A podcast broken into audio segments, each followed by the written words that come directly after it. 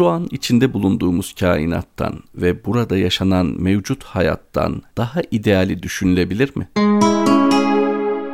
Sümbül Efendi dergahındaki dervişlere günün birinde ilginç bir soru sorar. Haşa farz muhal, alemi siz yaratmış olsaydınız nasıl yaratırdınız? Dervişlerinin teker teker görüşlerini alır. Kimisi kış mevsimini yaratmazdım der. Bir diğeri kötülüklere izin vermez onları yaratmazdım der. Bir diğeri sefalete, fakirliğe, yoksulluğa müsaade etmezdim, onu yaratmazdım der. Fakat sıra Muslihittin Efendi'ye gelir. Onun verdiği cevap hocasının çok hoşuna gidecektir. Muslihittin Efendi kainatta ne varsa en güzel suretindedir. Daha eftali, daha iyisi olmayacak şekilde hep iyi şeyler olmaktadır. Her şey tam merkezindedir. Ben olsaydım hiç dokunmazdım. Kötülüklerle, yoksulluklarla, sıkıntılarla birlikte bu dünyanın bu şekliyle devamına hükmederdim şeklinde bir cevap verir. Bu cevaptan çok hoşlanan Sümbül Efendi, senin ismin bundan sonra Merkez Efendi olsun der. Şu anda Zeytinburnu semtinde Merkez Efendi Türbesi ismiyle bilinen türbesinde meftundur bu zat ve bize kainattaki her şeyin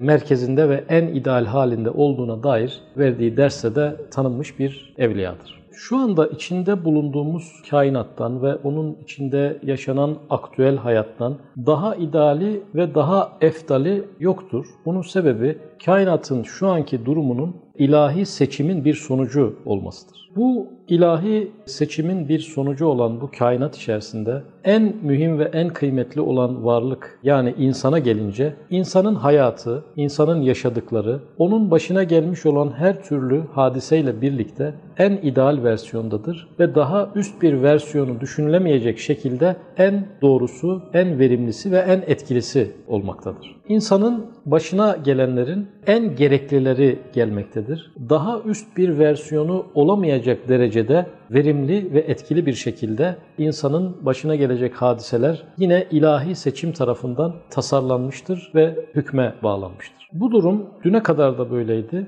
Bugün de böyle, yarın da böyle olacaktır. İnsanın karşısına çıkmış, gelip çatmış musibetler açısından keşke demek dinimiz tarafından mahsurlu görülmüştür. Resulullah Efendimiz Aleyhisselatü Vesselam Müslim'de geçen bir hadis-i şerifte başınıza bir musibet geldiğinde keşke şöyle olmasaydı da böyle neticelenmeseydi demeyiniz. Allah böyle takdir etmiş olduğu için böyle oldu deyiniz. Allah dilediğini yapar deyiniz. Çünkü keşke ve şayet kelimeleri böyle durumlarda şeytana kapı aralar buyurmaktadır. Mevlana Hazretleri de Mesnevisinde şöyle buyurur. Gökten ne yağdı da yer onu kabul etmedi. Biz sizi topraktan yarattık ayetini unutursun da haktan gelene öfkelenirsin. Topraktan geldiğini hatırla, Allah'tan gelene razı ve onun karşısında mütevazı ol buyurur. Keşke şöyle olsaydı bu sorunlar olmazdı diye bazen düşünürüz. Fakat öyle olmasaydı bu sorunun gerçekten olup olmayacağıyla ilgili bir garanti yoktur.